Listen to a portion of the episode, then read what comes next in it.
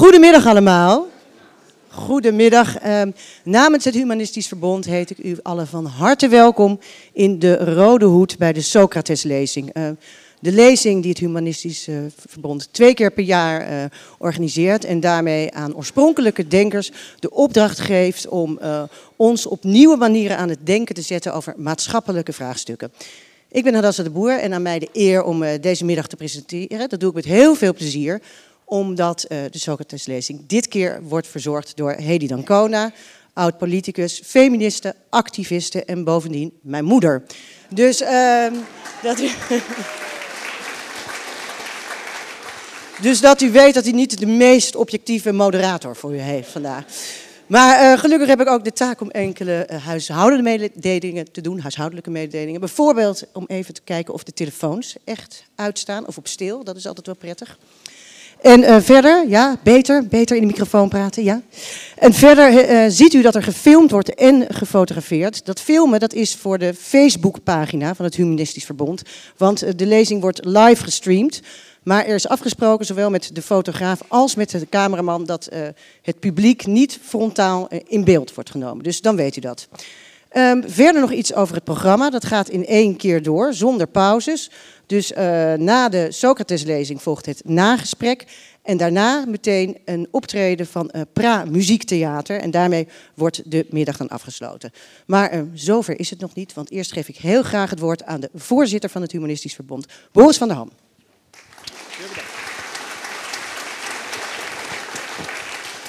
Goedemiddag allemaal, wat is het hier lekker koud hè? Ja, niet zo warm als buiten. Ik, ja, ik heb gisteren, dag, gisteren ook de hele dag thuis binnen gezeten gordijnen dicht, want die hitte trek ik niet zozeer. Dus ook een heel goede, uh, goede plek om hier vandaag te zijn, om dat een beetje te ontvluchten. Ja, als voorzitter van het Humanistisch Verbond heet ik u van harte welkom bij de Socrateslezing. En dit keer gaat het over het thema ouder worden. En ja, de lezingenreeks is vernoemd naar de filosoof Socrates, een filosoof die ongeveer 400 jaar voor Christus leefde in het oude Athene. En ja, bij zo'n Socrates-lezing denk je dan, ja, wat heeft hij dan over dat onderwerp gezegd, over ouder worden? Het was zo'n filosoof die banjerend door de straten van de stad iedereen bevroeg. En door die vragen te stellen eh, kwam hij dan dichter bij de waarheid. Althans, dat was de gedachte van Socrates. En hij converseerde over allerlei onderwerpen, maar dus ook over oud worden. Een voorbeeld van zo'n dialoog is te vinden in het boek Politeia. En daarin staat een gesprek tussen Socrates en een meneer Kefalos. En deze oude man stelde dat de ouderdom hem bevrijd had van het verlangen naar seks, rijkdom en bezit. Ja. Hij zei erover dat dat heel goed was, want hij zei, ja, dat geeft een gevoel van bevrijding en er komt een grote vrede over je. Wanneer die seksuele spanningen afnemen en hun greep op je verliezen, betekent dat je van een waanzinnige dictator bent verlost. Ik denk dat we ons daar allemaal wel een beetje in herkennen. Ja, af en toe speelt hij ook wel eens bij mij op. Maar goed, dat was dus de, uh, dat was dus de, uh, de waarheid van deze oude man 2400 jaar geleden. Ik ben benieuwd wat Hedy Dancona zou hebben gezegd als, hij, als ze daarbij had gezeten. Het lijkt wel uit deze woorden van Kefalos alsof ouderdom vooral een stadium is van het afleggen van het aardse en dat daar geen nieuwe behoeften tegenover staan. Ik denk dat mevrouw Dancona zich graag tussen deze heren had ingewurmd en daar dan op stevige toon haar bespiegelingen tegenover had gezet. En dames en heren, daar krijgt zij vandaag alle ruimte voor.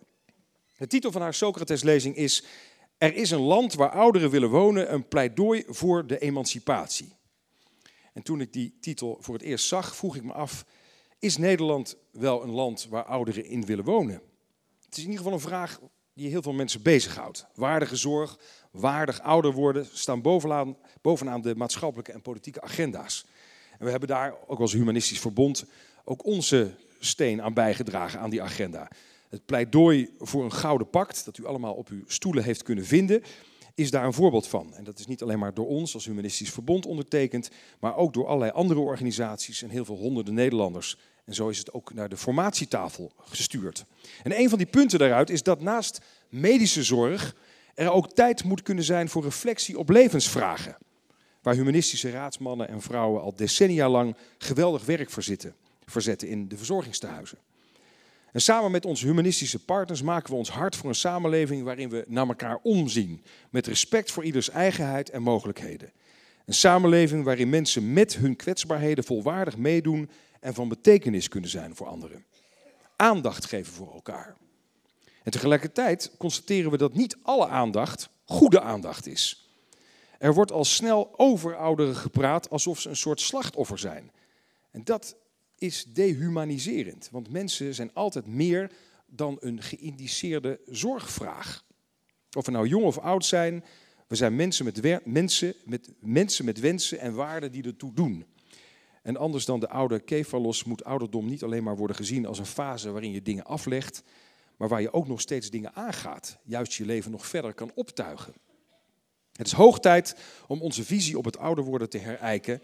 En wie is daar beter toe in staat dan Hedy Ancona? In haar lange loopbaan heeft ze steeds met verve de ruimte geclaimd die mensen nodig hebben om tot recht te kunnen komen. U kent haar onder andere als oud-staatssecretaris, als voormalig minister van Welzijn, Volksgezondheid en Cultuur en natuurlijk als voorvechter van vrouwenemancipatie. En wat me nog steeds opvalt, en ik heb je, ben je een paar keer in mijn werkzame leven tegengekomen, is dat je enorm ferm, hartstochtelijk betrokken bent bij mensen en met echte concrete situaties waarin ze zich bevinden. Er is een land waar ouderen willen wonen, een pleidooi voor emancipatie. Dat is de titel van haar lezingen. Dat is een land waarin in ieder geval geen stereotypes, maar echte, levende mensen wonen. Dames en heren, graag uw applaus voor Hedy Dancona.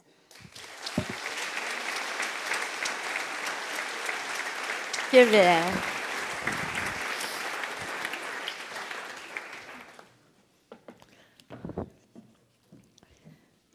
Zo, dankjewel. Dat is eh, een leuke aftrap.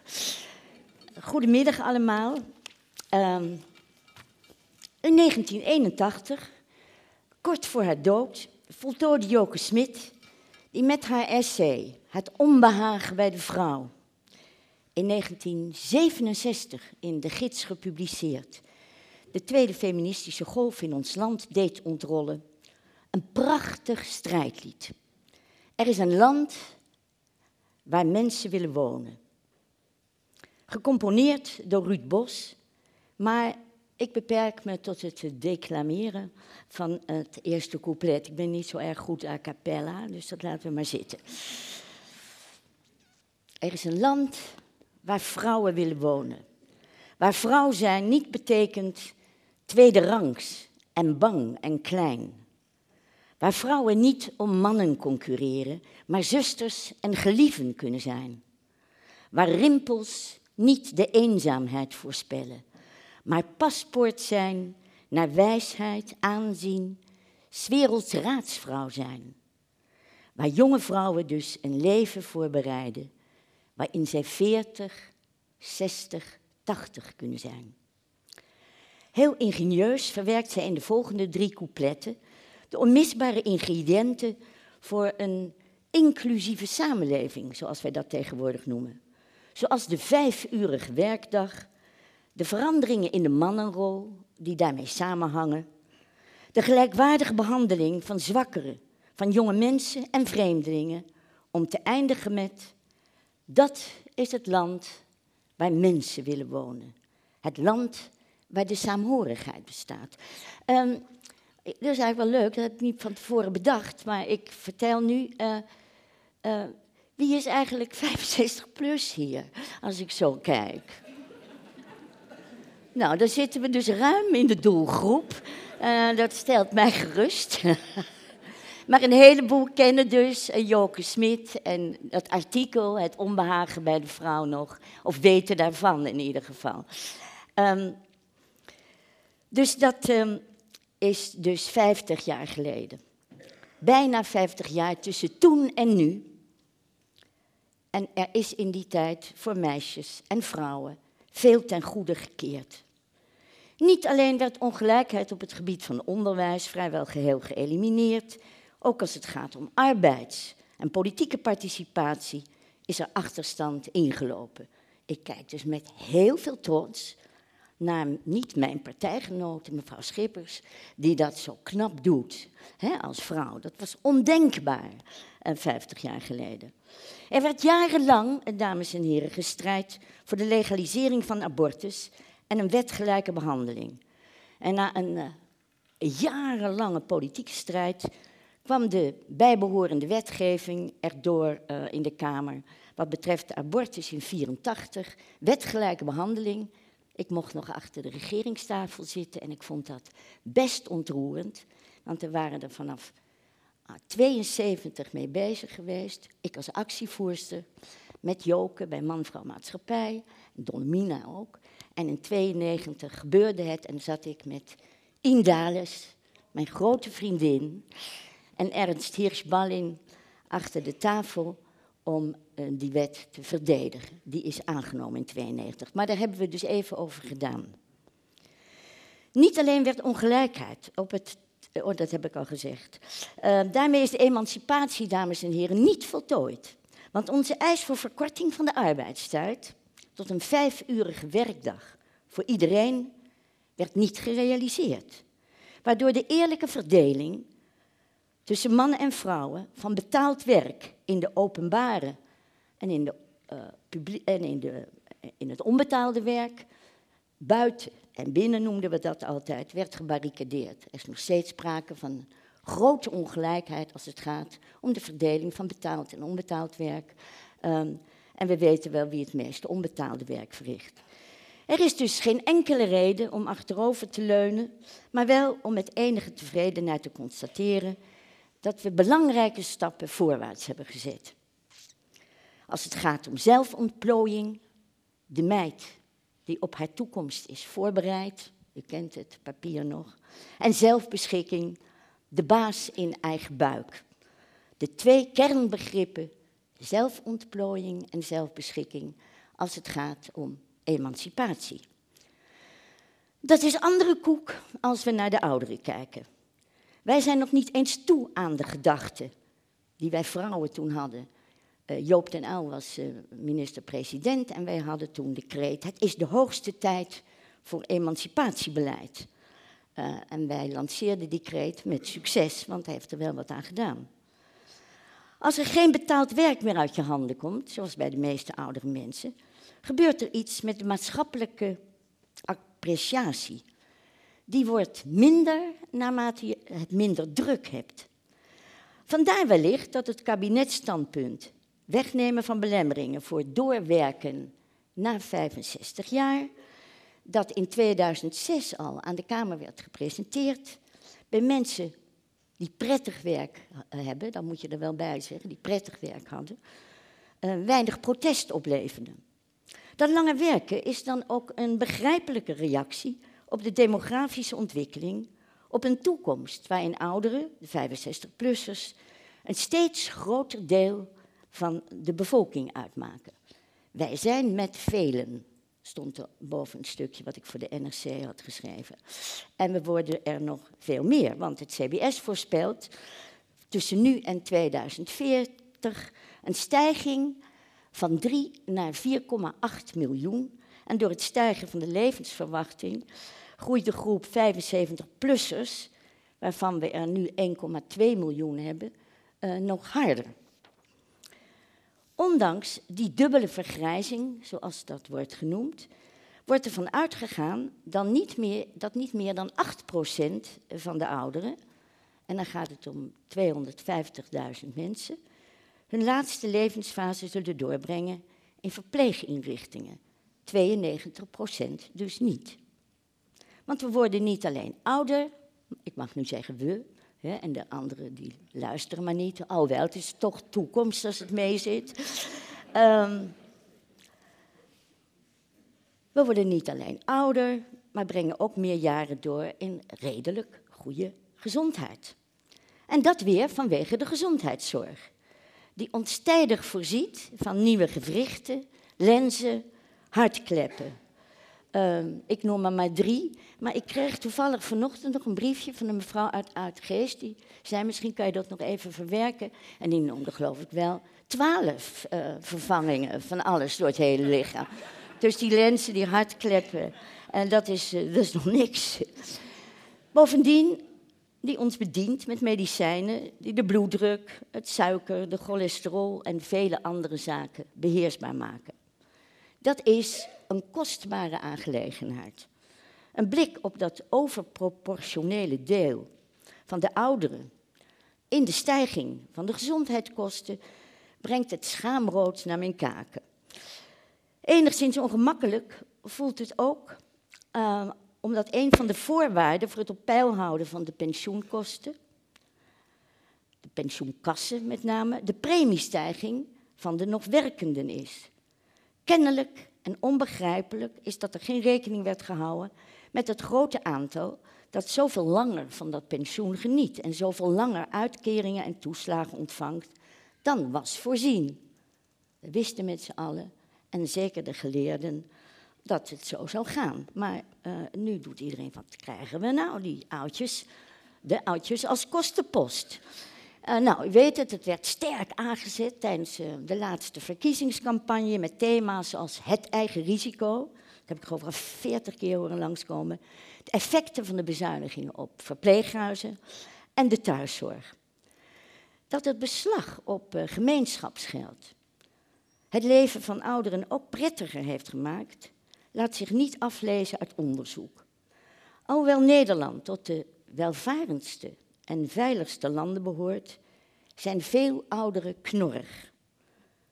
Alhoewel Nederland, uh, ze vragen zich af waar ze straks nog recht op hebben.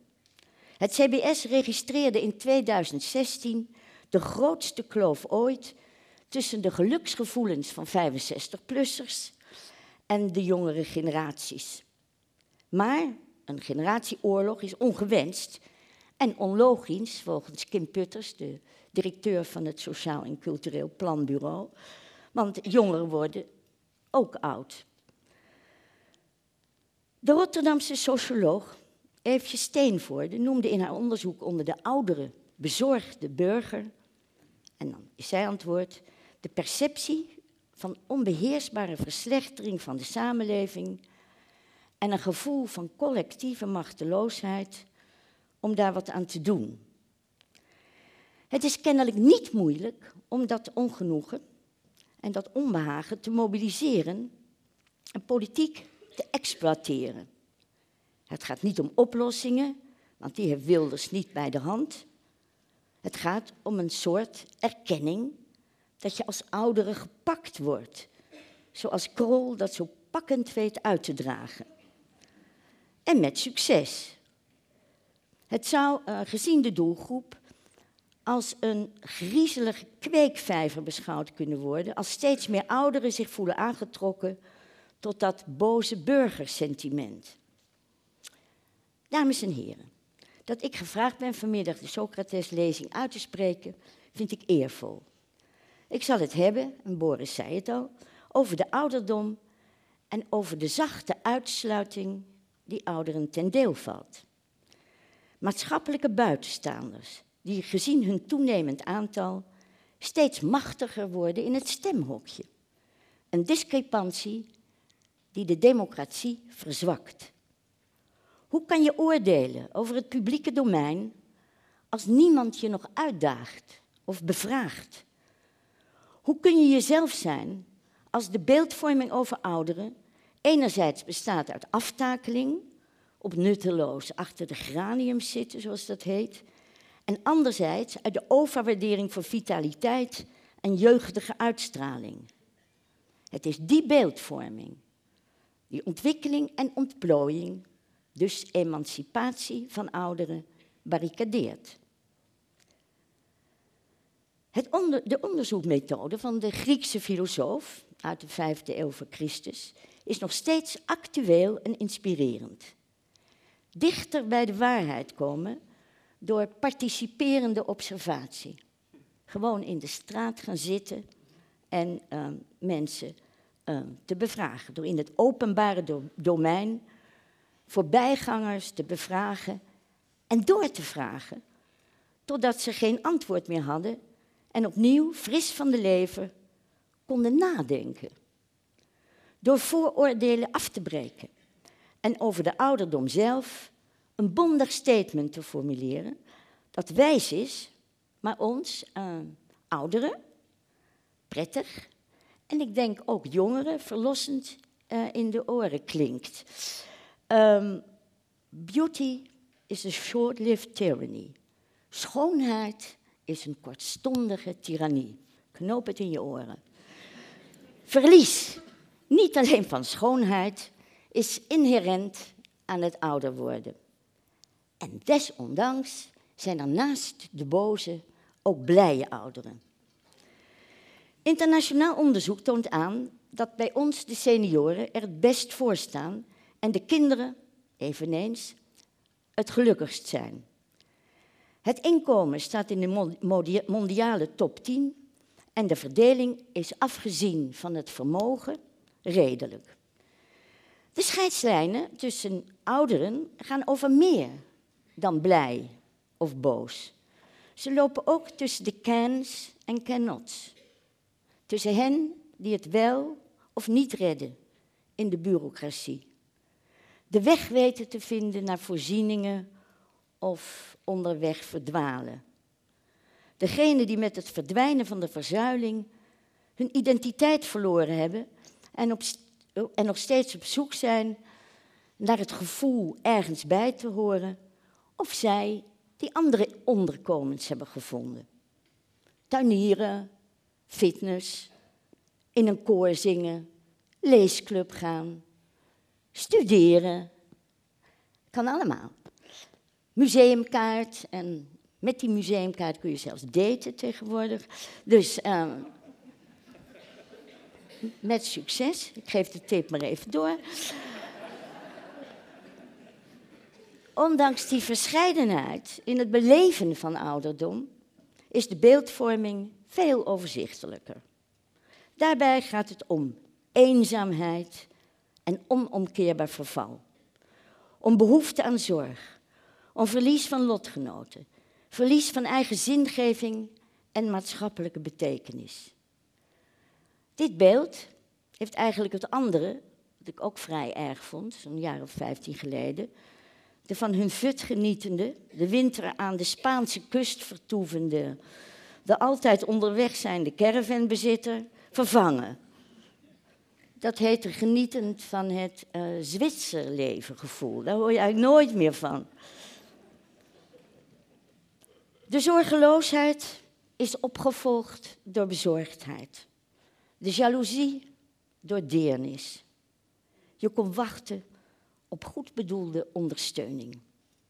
De ChristenUnie, samen met Omroep Max en enkele oudere organisaties, probeerde kort geleden het manifest Waardig ouder worden, het herwaarderen van de ouderdom. Waarbij de achterliggende gedachte onder andere was dat in dat geval de ideeën over een voltooid leven snel zouden opdrogen. Net zo paternalistisch zijn de voorgestelde maatregelen. Ouderen vaker samen laten eten, uh, meer ondersteuning door nog meer mantelzorg, uh, om maar enkele te noemen. Nou, uh, het Gouden Pact van het Humanistisch Verbond lag op iedere stoel. Kijk, het wordt omhoog gehouden, maar je zit erop. Kun je dus straks. Dacht er ook zo aan en heeft een visie geëtaleerd, heel kort en bondig, die meer op mijn toonhoogte is. Maar we moeten ons ook niet in de luren laten leggen door de mantra's die de participatiesamenleving, een begrip wat 1 eh, januari 2015 eh, in de lucht vloog, eh, ook voor ouderen in petto heeft. De term klinkt veilig, zegt diezelfde Kim Putters die ik net al aanhaalde, van het Sociaal en Cultureel Planbureau. Hij zegt alle politieke stromingen konden zich, erin vinden. Liberalen denken, er worden grenzen aan de verzorgingsstaat gesteld. Hiep hoi. De sociaaldemocraten gaan we beter zorgen voor elkaar. En voor de christendemocraten houdt het de belofte in van het, de herleving van het maatschappelijk middenveld. Volgens Putter is het een um, containerbegrip waar niet goed over is nagedacht. Want wat wordt in de participatiesamenleving nou eigenlijk onder goede zorg verstaan? moet dat in keukentafelgesprekken, dat schijnt zo te gaan, met ambtenaren worden bepaald. Moeten die dan ook uitmaken door wie die wordt verschaft, die goede zorg? Door buurvrouwen, dochters, kleindochters? Het wettelijk recht op thuiszorg vervalt. Maar moeten daarvoor ook diezelfde vrouwen weer komen opdraven? Hij maakt zich nog meer zorgen over de legitimiteit van zo'n participatiesamenleving. Vraagt zich af waar de controlemechanismen zitten. Albert-Jan Kruiter van het Instituut voor Publieke Waarden zei daarover in Buitenhof: De participatiesamenleving is gewoon een beleidsinstrument om bezuinigingen te realiseren. Na de economische crisis betekent dit een democratische. Nu is het niet ondenkbaar dat de representatieve democratie deels vervangen wordt door een participatiedemocratie. Niet ondenkbaar uh, dat daarvoor referenda, uh, buurtinitiatieven, zoals bijvoorbeeld uh, de stadsdorpen in deze stad, coöperaties op allerlei terrein, die gaan heel goed. Steeds meer mensen die zelf beslissen hoe ze bepaalde dingen geregeld willen met elkaar. net zoals vroeger de spaar. Dat weet niemand. Dat is wel leuk, want u weet wat de spaar betekent. Tegen, die, die, uh, nu heet het spaar, maar dat, heet, uh, dat betekende door eendrachtig samenwerken profiteren alle regelmatig. Is die goed? Het is ook echt zo, want dat was een coöperatie. Dus um, als je nu nog spaar ziet, denk je aan het vroegere ideaal. Zeker is dat er niet goed is nagedacht over de consequenties van zo'n andere manier van leven, zoals in zo'n participatiesamenleving. De algenoemde eis uh, van de vrouwbeweging, de vijfurige werkdag voor iedereen, hield daar eigenlijk wel rekening mee. Naast een eerlijke verdeling van werk binnen en buitenshuis zou er immers tijd zijn voor een onbetaalde bijdrage aan de samenleving. Via de, de kantine van de voetbalclub, het runnen van een buurthuis, het leren van Nederlands aan nieuwe Nederlanders. Um, dat waren het soort dingen wat wij toen al voor ogen hadden. Het blijkt een idee dat de tijd dus ver vooruit was. Hij werd wel overgenomen in het beginselprogramma van de Partij van de Arbeid in 1977.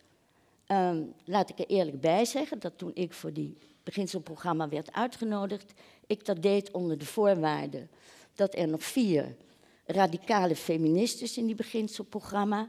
Omdat ik dacht, als je het alleen moet doen, dan red je dat niet. Nou, dat hebben we dus gered, want die vijfurige werkdag stond dus in dat beginselprogramma. En we namen nog even de nationalisering van de grond en het verzekeringswezen ook mee. Dus dat hebben we... Staat allemaal in dat... Ik geloof dat ze het immers verscheurd hebben, maar eh, Onlangs uh, kwam eh, met die verkorting uh, van de arbeidstijd, die algehele verkorting, kwam Martijn van Dam weer op de proppen. Toen zat hij nog in de fractie van de, van de Partij van de Arbeid. Hij is inmiddels staatssecretaris. En het is dus inmiddels ook weer in de la verdwenen. Het zou een idee zijn waard om in een dialoog over de participatiesamenleving meegenomen te worden. Want dat zou toch eigenlijk eens moeten gebeuren.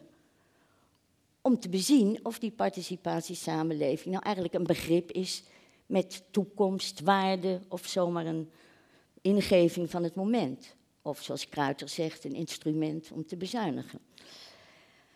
Het Sociaal Cultureel Planbureau laat ons met het rapport De toekomst tegemoet meekijken naar de situatie van ouderen in 2050. Nou, dan uh, ik bedoel, ik ga niet vragen hoe oud u bent, maar dit denk ik toch niet te halen. Maar het is toch leuk om het te lezen. Eén op de vier ouders, uh, van uh, één op de vier ouderen is dan ouder dan 65 jaar. 4,8 miljoen dus, waarvan een nog groter deel dan nu dus uit die 75-plussers zal bestaan. Aan zorgkosten denkt men niet veel meer dan nu te besteden. Zo'n 22 tot 30 procent van ons bruto nationaal product. Hoe hoog is ook afhankelijk van de inzet van mantelzorgers, de zelfredzaamheid van ouderen en de ontwikkelingen van technologie die op ouderen is gericht. We weten dat op dit moment al een groot deel van de mantelzorgers en vrijwilligers in de leeftijdsgroep van de 60 tot 70 jaar te vinden is. En het is nog maar de vraag of eh, in de nabije toekomst een nog groter beroep kan worden gedaan op deze parels van de participatiesamenleving. In ieder geval zullen dat er minder zijn na 2050, want de grote geboortejaargang van 64 viert dan inmiddels zelf zijn 85ste verjaardag. Of je van de dan 65-plussen kunt verwachten dat zij nog meer informele hulp van een nog zwaarder kaliber zullen voorzien, dat lijkt twijfelachtig. Dit is dus een consequentie waarover nagedacht moet worden, alvorens de participatiesamenleving ook voor de toekomst als politieke oplossing van ouderdomsproblematiek te zien. Evenals de aanname dat ouderen, zolang het maar kan, in hun eigen huis moeten blijven. Dat vanwege de overweging dat de mantelzorgers dan dichter bij huis zijn. Dat begrijp ik helemaal niet. Ik bedoel, mensen om mij heen zijn nooit thuis. Daar heb ik zelf aan uh, meegeholpen. Die vrouwen en die mannen werken. En er worden steeds meer dingen afgeleverd. Um, want dat wordt besteld. En wie is thuis? Ik er dus. en jullie ook, ja.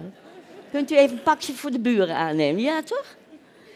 Is niet erg. Het is eigenlijk helemaal niet erg, daarom zeg ik het niet. Maar ik zeg dat het zo raar is om te denken dat uh, in de nabije toekomst je in de buurt van je buren moet blijven wonen. Dat raad ik je dus nu al af. Het is dus een dubieus perspectief dat in je huis blijven wonen, um, maar met zeer onwenselijke gevolgen. Want um, de woningmarkt raakt, raakt potdicht. En jongeren zullen nog moeilijker een uh, huis kunnen vinden dan nu al.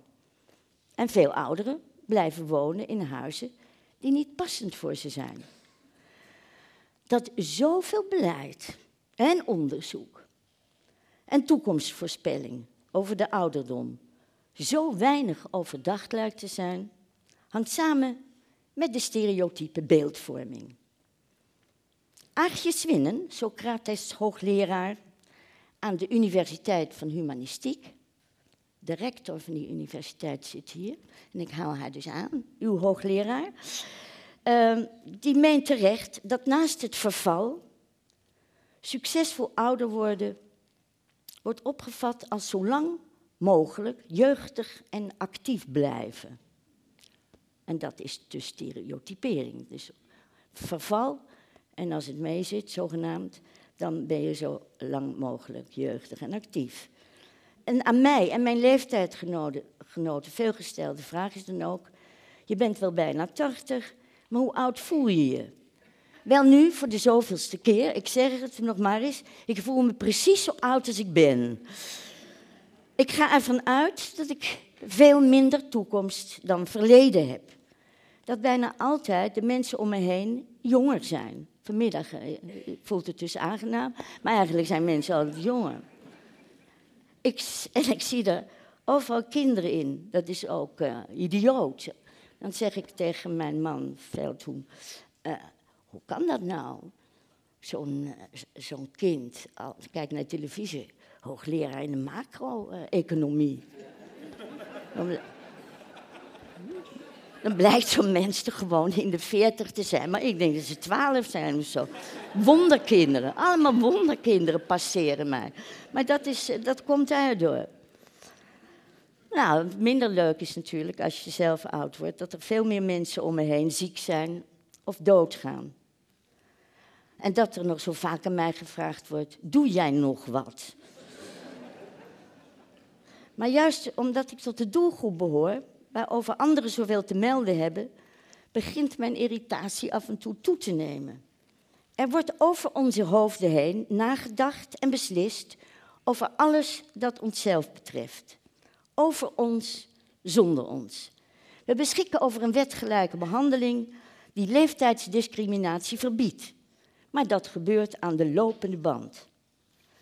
We zijn ondervertegenwoordigd in de media, behalve dan wanneer het om het eigen risico gaat of om uh, eenzaamheid. We zijn ondervertegenwoordigd in dat maatschappelijke middenveld. En we zijn ondervertegenwoordigd in de politiek. Maakt dat mij tot kaderlid van de boze ouderen? Nee. Nee, het gaat om verontwaardiging. Neem het niet.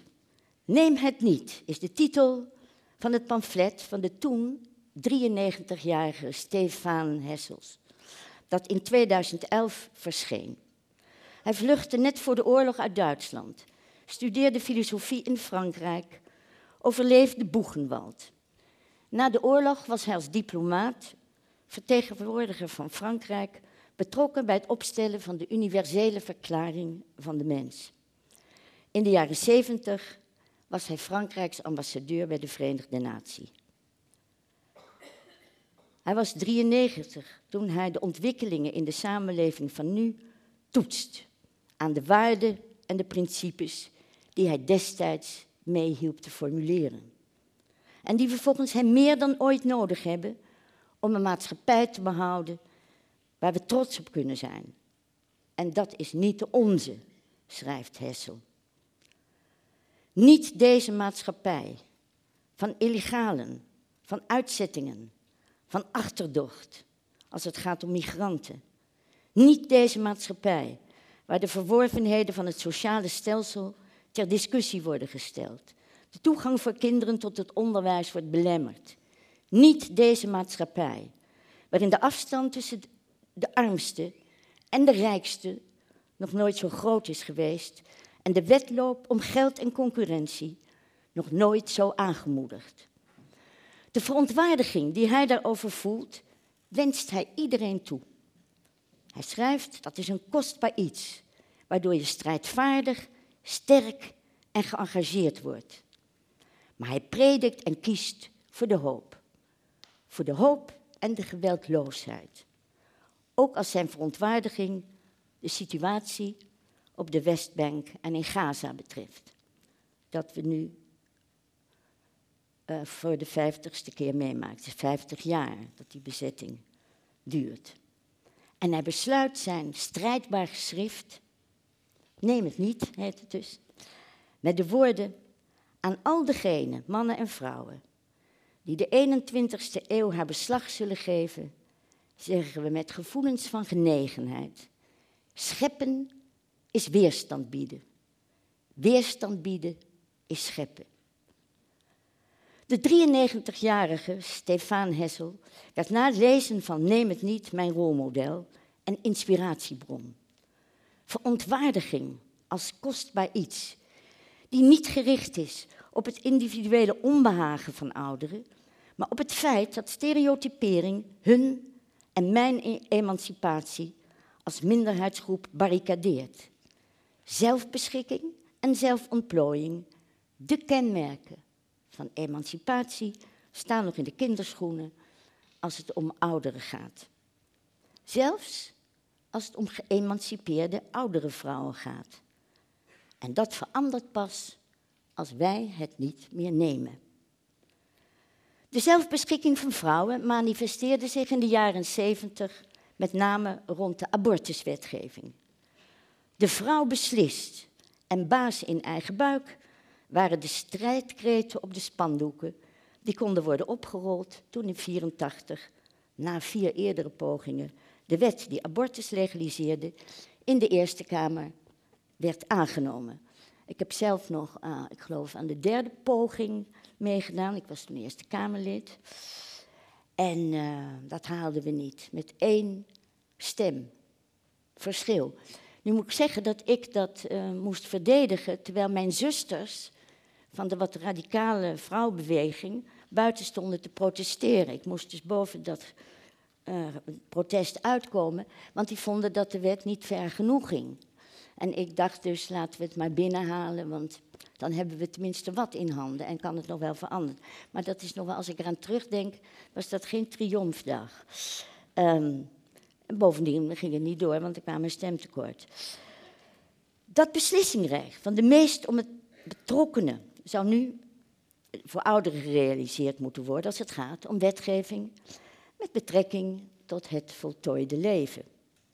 Met enige huiver kun je afwachten wat er met het voorstel van Pia Dijkstra gebeurt, dat niet alleen door de achterban van enkele politieke partijen wordt ondersteund, maar ook door maatschappelijke organisaties als het Humanistisch Verbond en door de actiegroep uit vrije wil, die het op de politieke agenda kreeg. Ik maakte deel uit van die actiegroep uit vrije wil.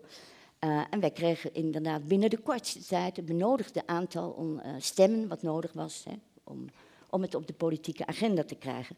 Maar we weten inmiddels hoe lang dergelijke onderwerpen erover doen. Althans, dat heb ik uh, proberen duidelijk te maken. Als de ChristenUnie gaat meeregeren, dan kunnen we het voorlopig vergeten. Dan zullen ouderen, zoals de Socialistische Partij, maar ook Omroep Max suggereert, zich moeten laten opvrolijken door aangeboden gezelligheid, zodat ze die gekke gedachten wel laten varen. Wat de ontplooiing betreft, moeten we af van de gedachte dat er zoiets als karakteristieke ouderenontplooiing bestaat. Dat tevredenheid en zelfs geluk kan worden ontleend aan een middag bingo in de week, zoals op de televisie werd vertoond toen uh, Ede was uitgeroepen tot de gelukzaligste plek in Nederland. Dat is natuurlijk geen leugen.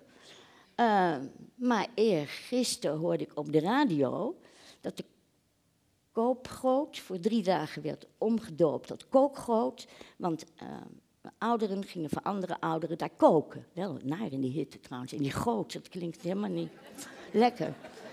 En de mevrouw, een, eh, een, een, een, stevige dame, die werd bevraagd. Mevrouw, u bent alleen? Ja, mijn man is dood. En, uh, en u bent eenzaam, zei de... Nee, zei die vrouw, ik ben helemaal niet eenzaam. Het werd drie keer herhaald. Ik hoorde het, ik werd ter plekke woest. Drie keer moest die vrouw zeggen, nee, dat niet. Ik heb kleinkinderen, allemaal reuze leuk om me heen. Nee. Maar ik vond het leuk om te gaan koken voor andere mensen. Nou, dus um, het zit er werkelijk bij iedereen in. Um, en het, is, uh, het zijn geen leugens dat er eenzamen zijn. Het is geen leugen dat er in Ede mensen zijn die het fantastisch vinden. En uh, prima dus om één keer in de week te bingoen. Maar, maar, maar. Er zijn heel veel ouderen die de lat voor zichzelf hoog blijven leggen. Die nieuwsgierig blijven. Die achter, maar ook vooruit kijken. Die ambitieus zijn. Willen kennismaken met het nog onbekende. Vier jaar geleden verscheen Kunstbeoefening met ambitie. Een onderzoek onder leiding van professor Hortulanus onder ouderen die zich met kunst bezighielden. Hun artistieke talenten bleven of gingen ontwikkelen. Hij liet zien dat ze zich daardoor gezonder, prettiger en vitaler voelden. Het was de start van het programma Ouderen en Kunst, waarbij projecten die op een professionele, artistieke manier ouderen in aanraking brengen met kunst, ballet of muziek, toneel of beeldende kunst, fotografie, computerprogrammering, straattheater, verhalen vertellen en nog veel meer gesubsidieerd konden worden. Een voorbeeld van privaat-publieke samenwerking, omdat het benodigde geld voor al die projecten uit twee grote ouderenfondsen kwam, uh, Sluiterman van Loo en het RCOAK, uh, dat is een katholiek fonds in Amsterdam, gezeten. Het VSB-fonds deed eraan mee. Uh, als ook het Fonds voor Cultuurparticipatie en het Landelijk Kennisinstituut voor Cultuur, Educatie en Amateurkunst. Beide, die fondsen, door het Rijk gesubsidieerd, maar de verhouding, eerlijkheidshalve, tussen privaat en publiek geld was um, vier voor de private fondsen tot één. Dus dat is vrij zuinigjes. Hè? Um, onder de titel Lang leven kunst werd tussen 2013 eh, en 2016 9,8 miljoen besteed aan projecten waaraan meer dan 400.000, veel meer dan 400.000 ouderen meededen. Uh, meer dan 3000 professionals en uh, vrijwilligers die zich bekwaamden in het begeleiden en programmeren. Er werd een netwerk van lokale bestuurders gevormd en een digitale handleiding ontworpen om het lokale bestuur, dat is nu dus actueel naar die gemeenteraadsverkiezingen toe, aan te moedigen om ouderen en kunst te integreren in hun cultuur- en welzijnsbeleid. Ze te laten ontdekken welke kansen hier liggen voor de gedecentraliseerde WMO, de Wet Maatschappelijke Ondersteuning. Tien steden, waaronder Den Haag, Leeuwarden, Maastricht en Amsterdam, kandideerden zich als age-friendly and cultural city. In gewoon Nederlands dus, maar zo heet dat nou eenmaal. Oh, wacht, het is, het is een uh, VN-term en daarom zal het dus in het Engels. Maar goed, dat deden we dus allemaal. En, um, en die etaleerden de programma's die zij hadden, ouderen en cultuur, in het kader van een onderlinge wedstrijd. Um, het was, uh, Amsterdam won dat. Uh, ik was voorzitter van de jury, maar dat heeft daar echt niks mee te maken. Amsterdam won dat omdat dat ook een fantastisch project was. De OBA en Foam. Ja, ken je het? Ja, leuk hè? Um, opgezet samen, dus de bibliotheek en zij waren naar een wijk gegaan, en naar een basisschool. Eh, een klas van een basisschool en zei, willen jullie meedoen? Nou leuk, fotograferen van je eigen wijk. En ze koppelden iedere leerling, ik denk dat dat twaalfjarigen zo waren, tien tot twaalfjarigen, aan um, een bewoner van de wijk die dat mee wilde doen. En die kregen dus een fototoestel en een zo'n kind met een oud mens gingen samen de wijk in. En dat was zo prachtig. De foto's die ze maakten, want ze keken door elkaars ogen. Dat is het allerbelangrijkste dat je door de ogen van een ander kan kijken. En dat was een prachtige tentoonstelling hebben ze van gemaakt. Foto's uitvergroot. Nou, ze. Maar die andere plannen, Leeuwarden was ook zo leuk. Ik kan er niet erg over uitweiden in verband met de tijd. Oh ja, ze zegt de moderator. Nou, dan doe ik dat maar niet. Maar Leeuwarden waren allemaal oude dames die um, jonge mensen leerden, en veel mannen jonge mannen, studenten, leerden breien en haken. En die maakten daar ook een enorm kunstproject van, van al het haken en breiwerk. Maar ik ga opschieten. Um, ik heb uh, door de jaren heen talloze van die kunstprojecten door ouderen gezien. En uh, ik ben daardoor heel enthousiast geraakt, onder de indruk en soms ontroerd. Voor deze middag mocht ik een voorbeeldig project selecteren waarbij mijn keus viel op PRA. Een dansgroep van ouderen en studenten van balletacademies die voorstellingen en workshops verzorgen, vooral in verpleeghuizen. Ik heb gezien hoe ze patiënten letterlijk in beweging brachten. Functionele aanrakingen, want dat krijgen die mensen wel die een rolstoel of. vervingen ze door, door fysieke, door emotionele. Dat was prachtig. Um, en uh, hier in een totaal andere setting um, uh, zult u ze straks zien aan het slot van de middag. En ik hoop dat uh, um, u begrijpt waarom ik zo onder de indruk ben daarvan. Want het is hier natuurlijk wel iets anders dan in een zaal van een verpleeghuis. Waarbij ik trouwens ook, want die jonge danseressen nodigden ook oude heren uit om met hun te gaan dansen. En soms, soms wilden ze natuurlijk niet, nukkig, nee, nee. Soms deden ze het. En, nou, want het was ook leuk dat die danseressen ook echt ze, ze verleiden om het te doen. En dan deden ze een beetje staan en dan gingen ze dansen. Het was heel erg mooi. Um, toch um, heb ik door de jaren heen nog een andere ontdekking gedaan. De wens tot zelfontplooiing van ouderen is geen andere dan die van jongeren. En dat heb ik de afgelopen jaren opgedaan door te kijken en te luisteren naar mijn generatiegenoten, die nooit eerder in hun leven, door tijd uh, of door geldgebrek, in de gelegenheid waren om een muziekinstrument te bespelen of ballet te dansen. Maar nu ze het eenmaal deden, gebeurde het met dezelfde passie die je bij talentvolle jongeren ziet. Ambitie en passie gaan kennelijk niet met pensioen. Die vrijwillekeurige observatie van mij wordt betekeniser door de bevindingen van de filosofe Hanne Lacuille, neergelegd in haar aan dit onderwerp gewijde proefschrift. Ik hoorde net dat ook zij docenten is aan, de Universiteit voor Humanistiek. Zij schrijft uh, in een artikel uh, in, de, in de NRC een tijdje geleden. Kijk anders naar oude mensen. Ze groeien nog. Dat vind ik fantastisch gezegd.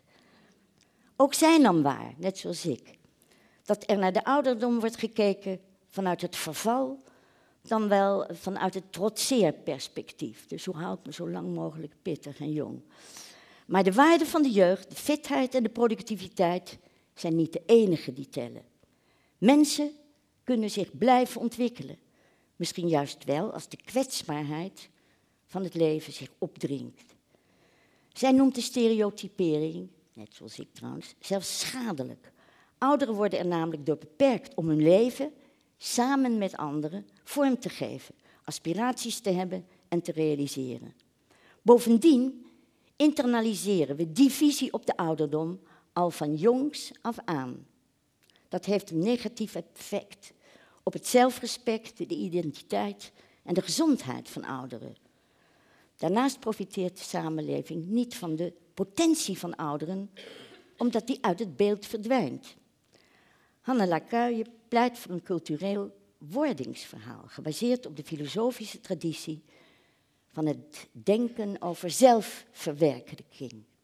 Goed ouder worden is daarin een proces van steeds meer worden wie je bent.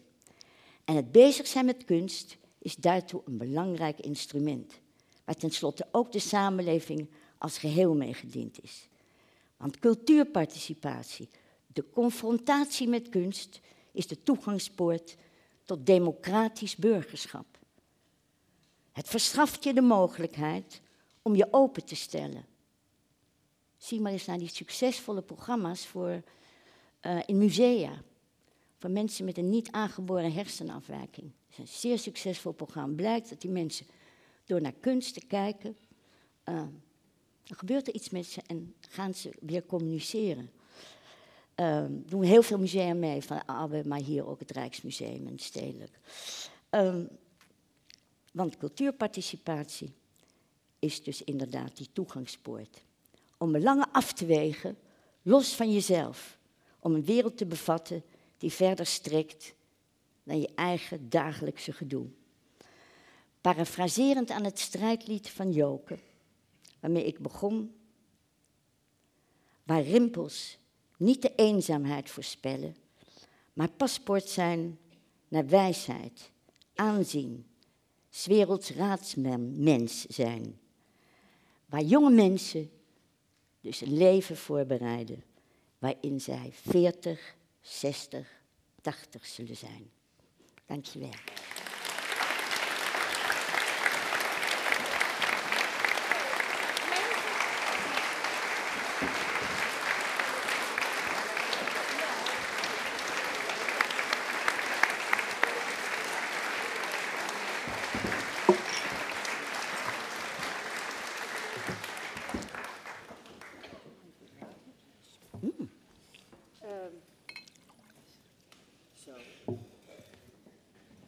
Dankjewel. Uh, in het programma staat napraten met deskundigen. Uh, die deskundigen, dat zijn jullie, want het leek ons uh, aardig als er zoveel mogelijk ruimte zou zijn voor vragen uit de zaal. Maar ik maak toch even gebruik van mijn privilege hier om alvast als eerste te beginnen met dat bevragen. dankjewel. Nog, mag ik tutoyeren trouwens?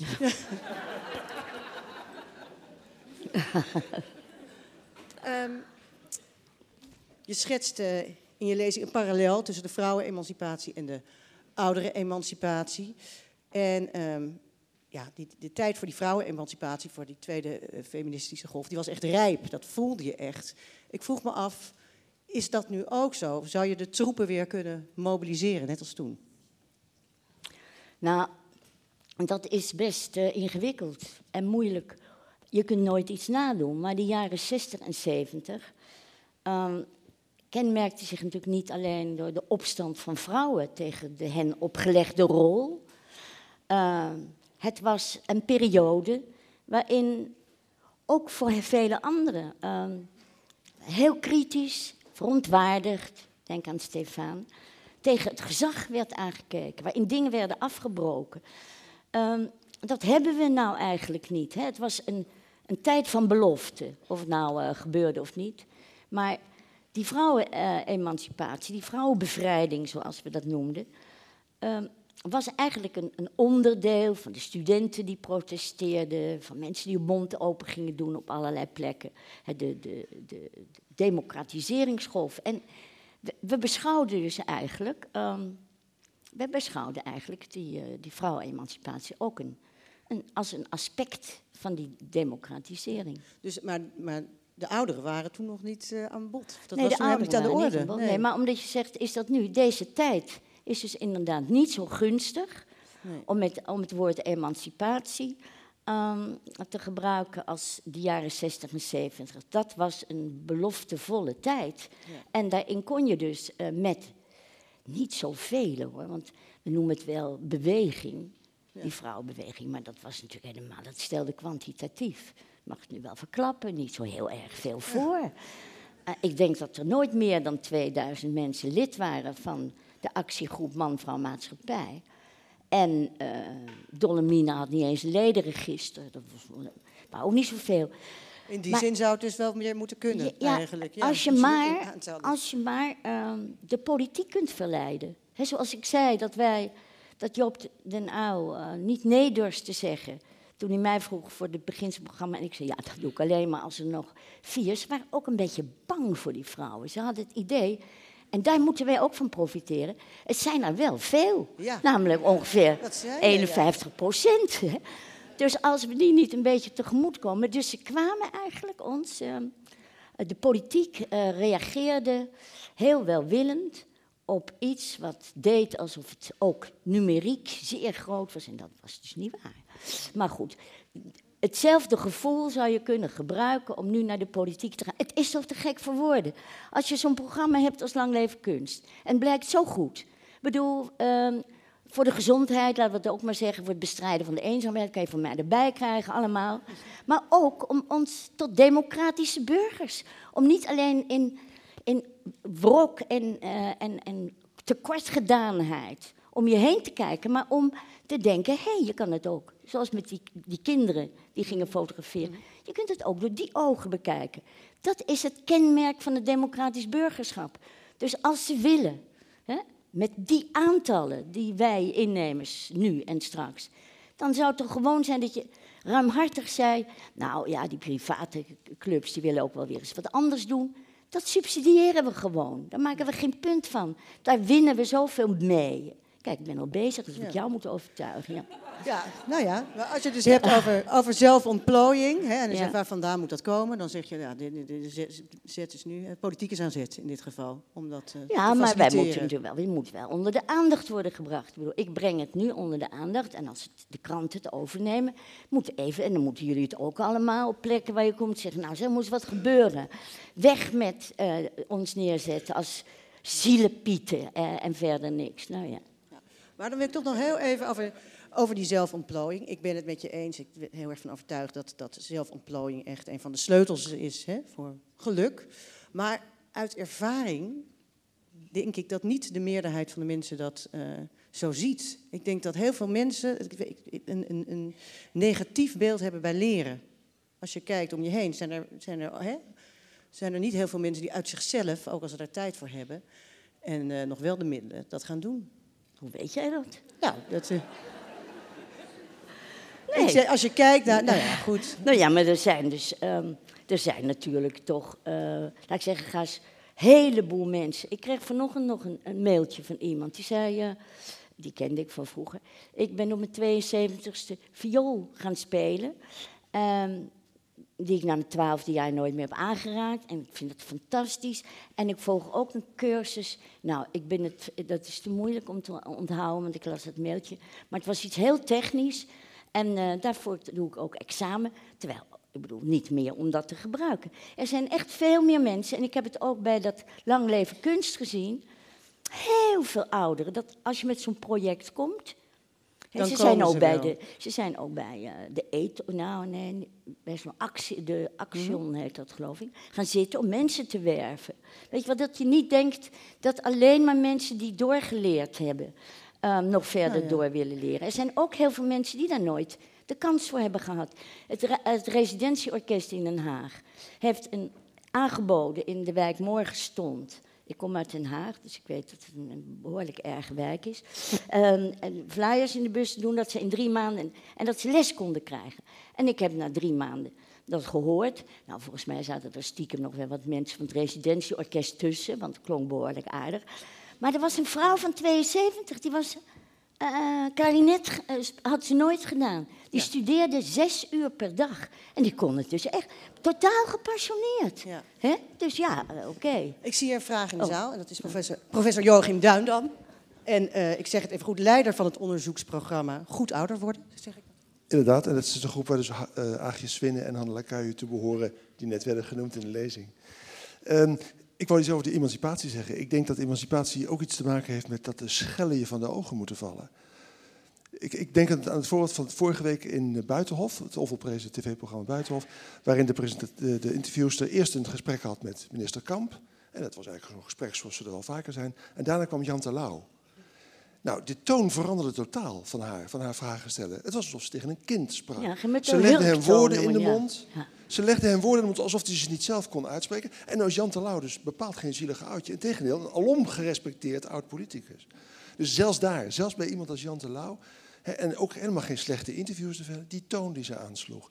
Dus ik denk dat daar moeten echt de schellen ons van de ogen vallen. Voordat we dat willen zien. Maar ik zou dan wel even, wacht even, ik, wil- ik, maar hoe? Ik wil dan wel weten hoe. Op welke manier kun je dat bewerkstelligen? Nou, ik, ik denk onder andere door lezingen zoals we vandaag hebben gehoord. We moeten op een gegeven moment zien dat het gewoon idioot is, dat het gewoon niet kan. En het komt van twee kanten. Hè. Het komt van de kant van de ouderen die het niet meer nemen, die het niet meer pikken zoals u hebt betoogd. En het komt ook van de anderen die de ouderen zo bejegenen. Ja. Dankjewel. Wil je reageren daarop? Nee, ik, vind- ik ben het. eh, ik, zie Ja, het door, eens? ik zie het door zijn ogen. Ja. Ik zie daar, iemand heeft een vraag. Staat iemand Ja. Ik ga, of, dankjewel. Ja, ik Schellen ben van. Blaas en ik eh, ben eigenlijk eh, heel veel interessant, vind ik, uw eh, verhaal over een vijfurige werkdag. Eh, dat verrast me eigenlijk. Eh, ik had er nog nooit van gehoord. Lijkt me een heel goed plan. En ik vraag me af of wij juist als ouderen ook niet moeten gaan emanciperen. En wel, kijk, wij zijn degene die al een basisinkomen hebben. En dat moeten we, denk ik, is mijn voorstel, ook aan iedereen gaan gunnen. En als we dat doen, zijn we vanzelf precies hetzelfde geworden. Wat denkt u daarvan? Ja, dat is een. ehm, waar is de moderator? Eh, ja. N- eh, dat is een. eh, ik- ben daar. ehm, ik ben daar eigenlijk niet zo voor. Maar ik ken die discussie wel. En er zijn mensen die, ehm, die al jaren achter dat idee aanlopen. Ehm, ik vind die vijfurige eh, al erg tegemoetkomen hè, aan die eerlijke verdeling. Maar het is geen onzin wat u zegt. Er zijn heel veel mensen die zeggen weg met die beloningen. Maar dan weet ik altijd wel wie het eh, inderdaad ehm, met dat basisinkomen gaat doen. En welke mensen gewoon eh, geld blijven verdienen en zoveel mogelijk. Oké, hier, ik heb hier nog een vraag. Ja. Eh, ja, mijn naam is Bert Bom. Ik, eh, ik verbaas me erover. Wij, wij, heten een, een waardegemeenschap eh, te vormen met, met, met de Verenigde Staten. En als ik dan kijk naar de verkiezingen in de Verenigde Staten, dat was dan eh, eh, de beste presidentskandidaat was 75, Bernie Sanders. Hillary was 69 en dan is er nog één die het geworden is, die is 70. Van, hoe kan dat, dat verschil in, in, in de cultuur daar en hier? Heeft u daar ideeën voor? Dat mensen daar op hun eh 75ste presidentskandidaat zijn. Ja, Dankjewel. ik weet niet precies, maar wat u zegt is waar. Er is een cultuurverschil, ook binnen Europa. Eh, toen, eh, bijvoorbeeld in Italië, eh, zie je veel hele oude commentatoren, ook politieke commentatoren op de televisie. Die zitten ook nog vaak in de politiek, in het Europees Parlement. Heel veel grijze koppen uit daar, die, die regionen. Dus daar kijkt men er anders tegenaan. En hoe dat nou komt, ik weet dat niet eigenlijk. Dat is interessant, daar ga ik nu eens over nadenken. In een vervolg. Daar is Ja, een, het is waar. het- Ja. Mijn naam is Britte Jong en ik heb een vraag over de zelfbeschikking en over voltooid leven. Hoe, is de, hoe gaat het met de actiegroep Vrijwillig Levenseinde? En wat is nu eigenlijk aan de hand dat wij de, het vrijwillige levenseinde of het, een waardig levenseinde niet uit het medische circuit kunnen krijgen? En heeft dat te maken, ging dat op dezelfde manier met de abortusstrijd of is dat helemaal een foute vergelijking?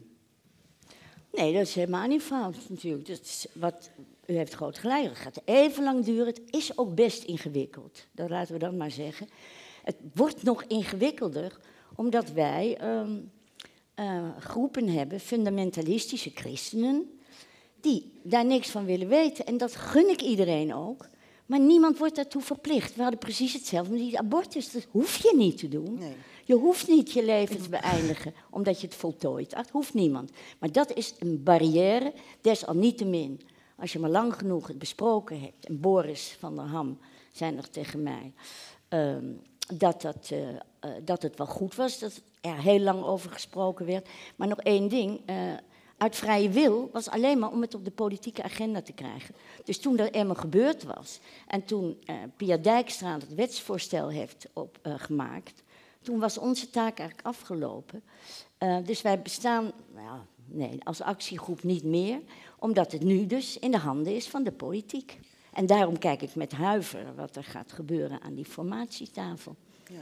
Maar uh, heel even, als je de, misschien de meeste reacties die je hebt gekregen op hè, de, de aanloop naar de Socrates, uh, Socrateslezing gaan over dit onderwerp. Um, en ik merk, bespeur zelf als ik het lees, dat er heel veel angst is voor uh, uit vrije wil.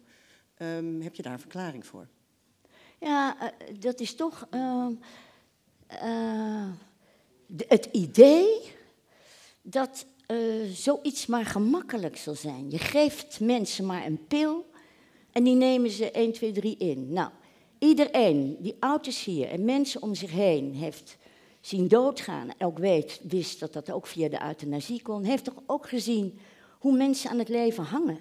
En hoe lang mensen het volhouden. Dus dat is één. Twee, het wordt nog beter begeleid in dat voorstel dan normale um, euthanasie. Want ik ben scanarts ja, een arts die het doet en die scanarts. En dat is het.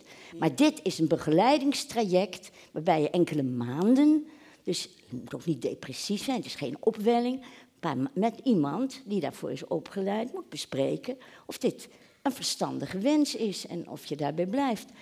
Dus dat gaat ook niet. En ook niet dat kinderen die geld willen erven. Mensen hebben veel angsten, terwijl het in feite, en daarom is het ook een emancipator iets. Je het gaat, de essentie is dat je er zelf over beschikt. Dat is de essentie. En dat moeten we toch beter uitleggen. Ja, of zo. ja dat denk ik. Ik zie daarboven is ook een microfoon, dus ik ga even naar de eerste. Ja. Oké. Okay. Hedy, ik heb een hele belangrijke vraag, die wil ik je antwoord weten. De eerste drie vragenstellers waren mannen. Ik wil graag van je weten of je dat als een positief iets of als. En de tweede is een advies. Um, ik heb een Franse vriendin die uh, Nederlandse is, maar nog voor het parlement in Frankrijk mag stemmen.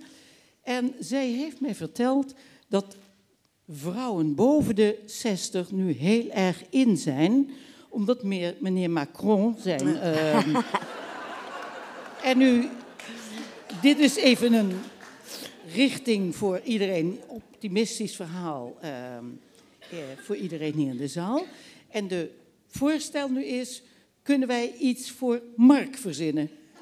Voor Mark. Mag ik even opruiken dat ik de eerste vragensteller was? En ik ben toch wel een vrouw. Ja. Ik weet het zeker. Als ik nou iets, ik ben niet zoveel dingen zo zeker. Maar um, ja, weet je, dan moet je eerst gaan tellen of er meer mannen dan vrouwen in de zaal zijn. Hè? Ik heb ook doorgeleerd, eh, voordat je weet of dat iets betekent. Maar um, anders, laat ik maar zeggen, dat is ook wel zo. Dat, um, dat is eigenlijk wel uh, vrouwen toch altijd ietsje minder snel uh, naar voren komen. Een van de, van de narigheden met dat we nog steeds minder vrouwen in de hogere regionen, en dat ligt dus niet meer bij opleiding, Maar ze presenteren zichzelf. Ze zeggen altijd: Ik vind het een leuke baan of een leuke post, maar. En dan gaan ze. Kijk, dit en dit en dit kan ik niet zo goed. Nou ja, dat.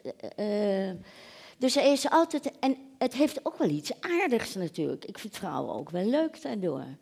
Ja, doordat ze een zekere bescheidenheid, een beetje relativering van zichzelf. Maar om te klimmen op de maatschappelijke ladder is het niet de meest uh, handige eigenschap. Nee. Uh, ja, ik, ik, ik, heel even, daarachter staat ook al heel lang iemand te wachten. Daarna kom ik naar je toe. Twee vragen, ja, oké. Okay. Uh, ik ben uh, Gertie Lensveld en ben de rector van diezelfde prachtige ja. universiteit. Roelof Fortulanus hoort daar ook nog bij, ik wou het maar even zeggen. Um, ik heb een observatie en een vraag. De observatie gaat over uw opmerking dat mensen door elkaars ogen moeten kijken. Uh, Hanna heeft een prachtig proefschrift geschreven en een column in de NRC waar u naar verwijst. Maar Bert Keizer in Medisch Contact heeft een hele zure column waarin hij zegt dat zij als 30-jarig meisje, een compliment, want ik denk dat ze minstens 10 jaar ouder is, um, niet kan oordelen hierover en dus haar mond moet houden. Dus ik wilde even weten hoe u daarover dacht, ja. terwijl ik dat wel een beetje in kan vullen. Ja. En mijn vraag is, wat is nou het eerste wat we kunnen leren van vrouwenemancipatie en hoe dat aangepakt is? Wat we nu zouden kunnen doen om die oudere emancipatie is stevig naar voren te brengen. Ja. Nou, um, um, ja, die keizer die zegt vaak ook wel dingen waar ik het heel erg mee eens ben. Maar hier ben ik het dus helemaal, dat is onzinnig natuurlijk. als we het hebben over een inclusieve samenleving. Dat was juist zo mooi. Dat Joke in dat strijdlied van de vrouwen naar de, de kwetsbaren, de ouderen, de migranten, de zwakken, zwakken ging. Dus dat is dus, uh, dat vind ik echt onzinnig als iemand dat zo serieus heeft bestudeerd als Hanne Lacuille. Um, en tweede, hoe doe je het? Nou ja, wat ik al zei, uh, je moet allemaal proberen om, um, om, om mee te doen. Hè? Om, om, om zelf, dat is leuk, zoveel mogelijk mensen moeten leren of aan, of aan een cultuurproject meedoen. Dat is één. en wij moeten bij de politiek dus gaan zeggen, wat ik zei.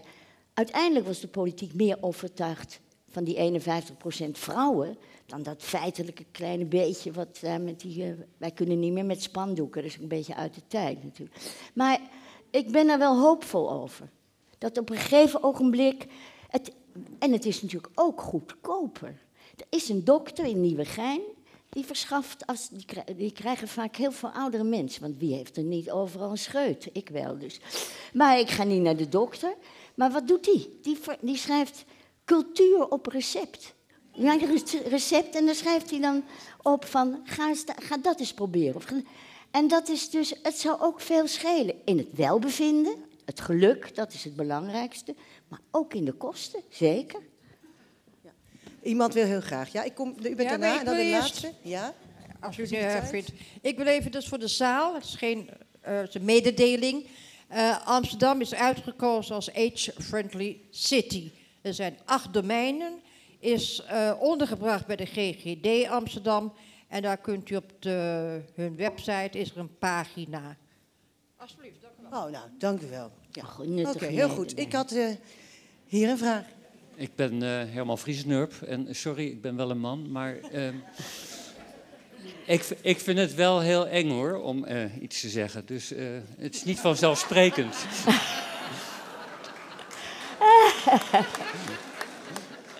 Um, ik, ik uh, wil je heel erg bedanken, want er is iets, toen ik twaalf was, ben ik een keer naar een zeilschool gegaan. En toen zat ik in een boot met alleen maar meisjes en die vroegen hoe oud ik was. En ze dachten dat ik acht was.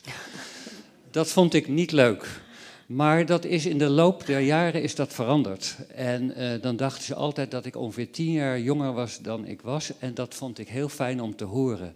En wat ik vandaag heb geleerd is dat, ik, uh, dat we ons misschien dan ook dus wel een beetje schamen. En, dan laat ik het over mezelf blijven houden. Dat ik me dus een beetje schaam dat ik al zo oud ben. Um, en wat ik eigenlijk vanmiddag van jou geleerd heb, is um, dat ik het heel fijn vind om nu te kunnen zeggen dat ik gewoon 70 ben. Ja. Dankjewel. Um, ja, ik zie hier, wacht, ik, ik zie, wacht even. Ik dacht dat je iemand klaar, klaar had staan. Ja, oké. Ik denk dat dat de laatste vraag is namelijk. Ja. Oh, oké. Okay. Zij heeft al heel lang. Doen we die er nog achteraan. Ja. doen we nog één. Maar eerst deze mevrouw. Ja, ik eh, ben 24 en voel me heel jong hier. En ik wil ook graag eh, niet praten voor de jeugd. Dat is ook zo wat. En ook niet voor de vrouwen en ook niet voor de jonge vrouwen. Maar ik heb een vraag over de problemen tussen eh, problemen voor jongeren, voor jeugd. Dus stages, eindeloze stages. Ik heb bijna twee, ik doe nu twee masters en ik doe onbetaald werk. En eh, moeite met de huizenmarkt en natuurlijk ook met beginnend werken. En, ik vroeg me af of er niet een combinatie te maken is tussen de problemen van de ouderen en de problemen van de jongeren. eh, samen te verhelpen. Hoe Ja. denkt u daarover? Nou, dat lijkt me eh, op onderdelen heel goed. En ik heb het ook genoemd. ehm, als wij eh, zo graag willen dat al die almaar ouder wordende mensen in hun eigen huis blijven wonen, dan is dat dus een beetje stomzinnig. Want daarmee verstop je de markt, heb ik gezegd, en maak je het voor jongeren nog moeilijker. Maar er zijn oplossingen mogelijk. Ik heb eh, eh, architecten gezien die hele leuke mini-huizen hadden, die je in de tuin of waar je dan bij anderen neer kon zetten. Er zijn projecten, onder andere in Utrecht, waar ze leegstaande gebouwen hebben verbouwd en daar wonen studenten in en ouderen. Samen. En dat schijnt heel erg goed te werken. Dus dat zijn voorbeelden waarbij je het inderdaad samen kunt doen en dat die inclusiviteit van de samenleving kunt eh, vormgeven door onder andere de manier waarop we wonen. Wacht even, ho. Nee, ja maar, nee. Niet ja maar. Wat waar werd dat vandaan? Nee, we, gaan, we moeten echt even afronden. En hier is een mevrouw die zit al heel lang te wachten. Dus zeg dit is het de maar laatste straks. vraag. In mijn oor. Dan heb ik dit oortje uit. Ja? Ik ben eh Geer Goudriaan. Ik ben heel erg eens met ja, het hele, hele beweging enzovoort. Alleen het eh, dansen en kunst voor ouderen, dat vind ik ook allemaal prima. Maar ik voel me prima, maar ik zal nooit in een groep met ouderen gaan dansen en daar speciaal de subsidie voor aanvragen. Ik vind het hoeft voor mij niet. Ja. Als ik nou ben Nee, voor voor zelfontplooiing, Nee. dan ga ik dat gewoon doen. Des te beter. Des te beter. Maar als we bedenken dat heel veel jong eh, ouderen ehm, ertoe zijn gekomen omdat ze verleid werden. En ik zal u zeggen, toen, ik, toen dat onderzoek van Hortulanus begon, was ik voorzitter van de begeleidingscommissie van dat onderzoek. Ik zei, ik heb helemaal geen zin om met eh, mensen van mijn leeftijd iets te doen als ze niet hetzelfde tegen de wereld aankijken. Ik dacht, ja, straks moet ik maar met de krolvolgelingen of wildersvolgelingen gaan dansen of verhalen vertellen. Nou, ehm, om te beginnen ehm, heb ik eigenlijk gemerkt dat als mensen hiermee bezig zijn, dan ontstijgt dat ook een beetje. Want dan, dan eh, hebben ze het over muziek maken of over verhalen vertellen. Verhalen vertellen, zeg ik nu in twee woorden, is een van de mooiste projecten die ik ooit gezien heb.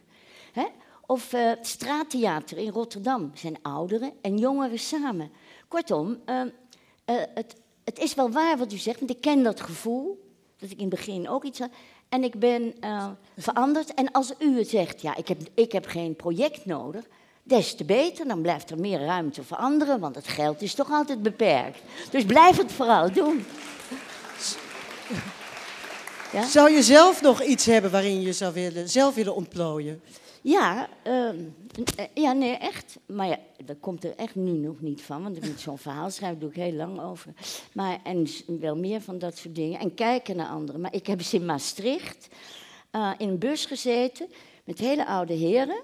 En die, eh er was een slagwerkgroep en die konden het ook ontzettend goed. Drumles zou je wel willen dan. Ja, dat wist ik ook niet.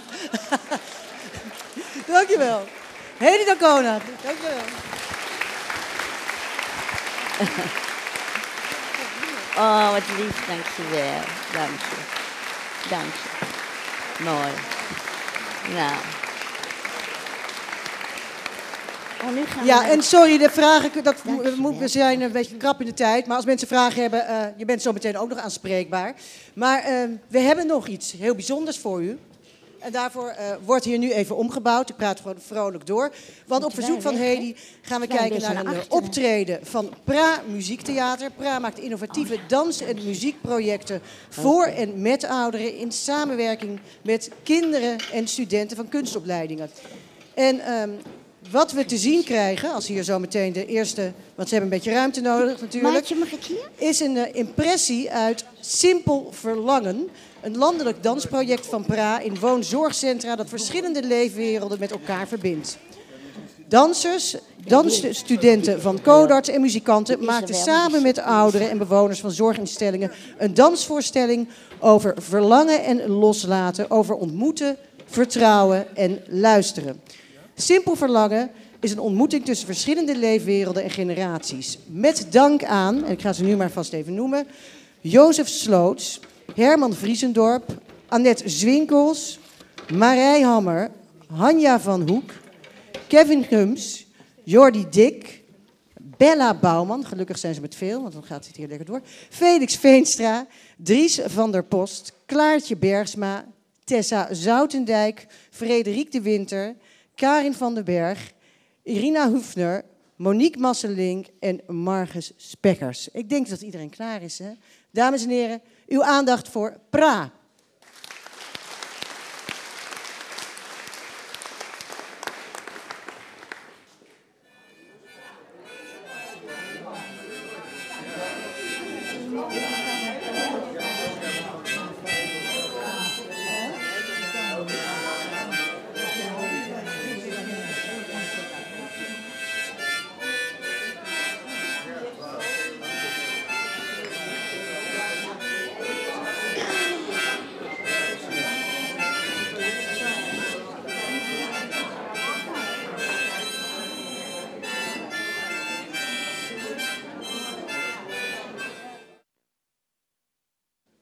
Laatste woord is aan eh, Boris van Ham. Zo, dames en heren, heeft u een goede dag gehad? Fijn. Ehm, allereerst eh, zou ik natuurlijk uh, Hedy Dancona zeer hartelijk bedanken voor haar fantastische bijdrage. Die heel veel nou, gedachten heeft doen oplaaien. Goed debat daarna heeft veroorzaakt. Dus nogmaals een hartelijk applaus voor haar.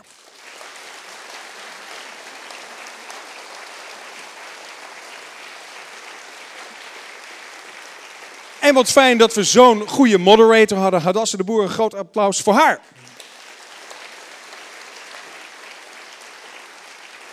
En er zijn heel veel mensen die hier uh, aan mee hebben gewerkt. Mensen van het Humanistisch Verbond, van ook de Rode Hoek, de techniek. Ook voor hen graag een huid, luid applaus. Um, ik vond het zo mooi aan uh, mevrouw Dancona haar verhaal dat ze zei: ja, verontwaardiging, ergens je boos over maken, dat is soms het begin van emancipatie. Dat je zegt, ja, maar hier voel ik me tekort in gedaan. Uh, verontwaardiging kan soms ook verandering in de politiek veroorzaken. U heeft het uh, Gouden Pact uh, gezien. Uh, en daar hebben we met een aantal humanistische organisaties gesteund door heel veel normale Nederlanders hebben we gezegd wat er aan die ouderenzorg moet veranderen.